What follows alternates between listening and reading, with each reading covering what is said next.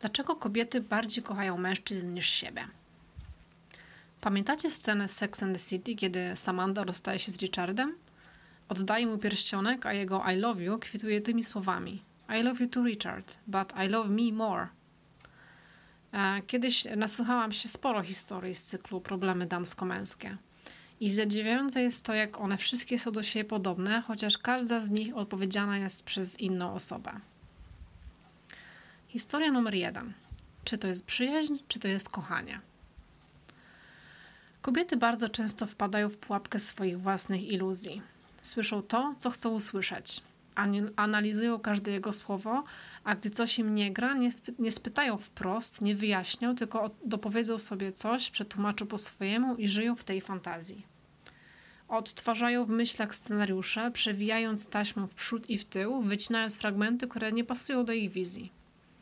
Tak się rodzi rozczarowanie, bo nagle się okazuje, że on jednak wcale nie miał w planie związku, a on po prostu dobrze czuł się w Twoim towarzystwie, lubił spędzać z Tobą czas, fajnie mu się z Tobą gadało.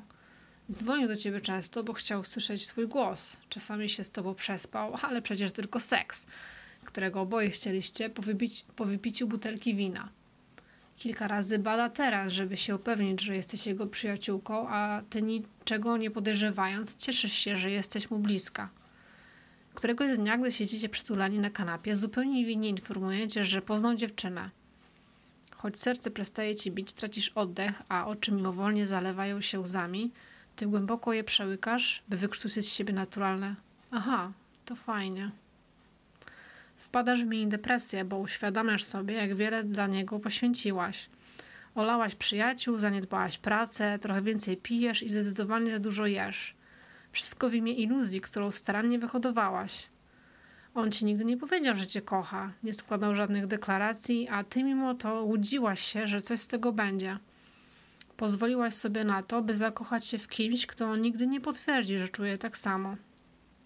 Wypełniłaś sobie pustkę w swoim życiu jego osobą, bo nie chciałaś być dłużej taka samotna. Tak bardzo go pokochałaś, że zapomniałaś o sobie i teraz jesteś sponiewierana.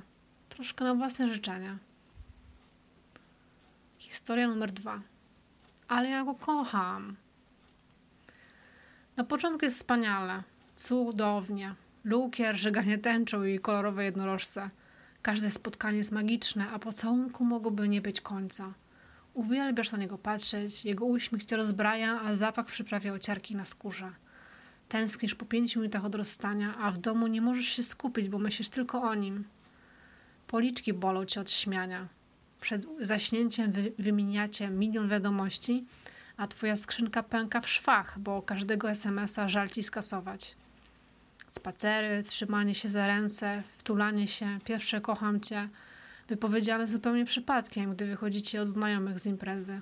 Motylki w brzuchu i różowo klary na nosie. Nie wierzysz w to, jaką jesteś szczęściarą.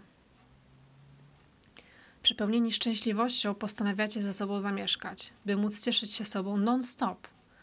Ty, choć widzisz go codziennie, czujesz, że masz go jakby mniej. Z jednej strony zapominasz, że z czasem to normalne, że musimy oddać się swoim obowiązkom, obowiązkom ale z drugiej irytuje cię ten fakt, że on po, przyjściu z pracy od razu siada do komputera i gra.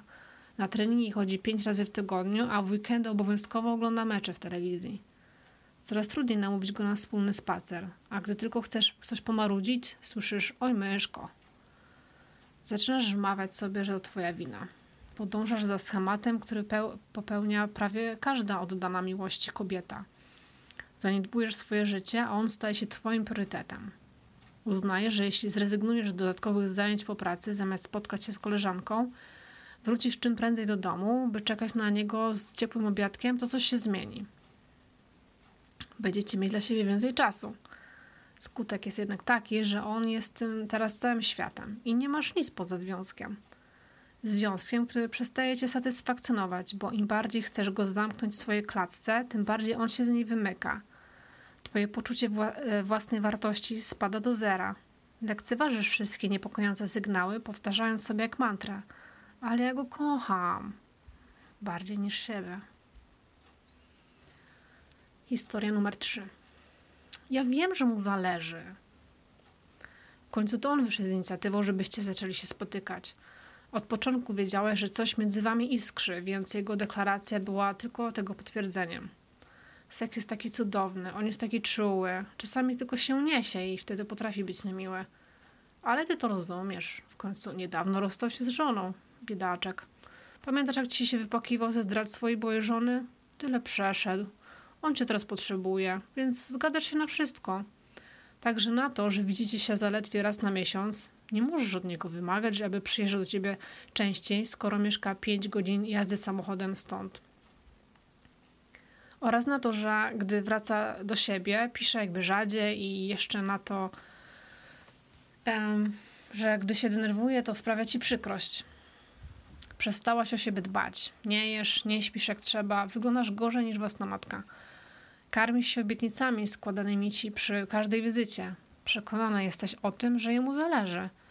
On po prostu potrzebuje więcej czasu. A to zdjęcie jakiejś dziewczyny podpatrzone w jego komórce? Oj tam, oj tam. To na pewno nic takiego. Faceci. Jemu zależy na mnie. Przyjeżdża do mnie raz w miesiącu, jest troszkliwy i czuły, dopóki się nie wkurzy. A poza tym nie przeszkadza mu, że twój rozwód nie jest jeszcze formalnie załatwiony. Jest taki wyrozumiały. Nie mogę się na niego, nie, nie mogę na niego naciskać, żeby się nie zniechęcił. Będę cierpliwie czekać.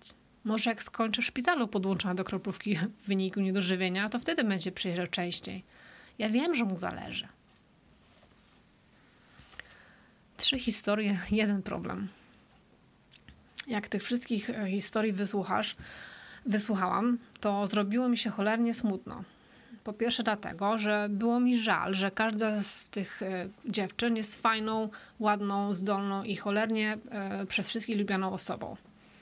Po drugie dlatego, że każda z nich postępuje w, w ten sposób z jednego prostego powodu. Strachu przed samotnością. Dlaczego kobiety tak bardzo boją się samotności, że gotowe są odpuścić swoje życie dla faceta?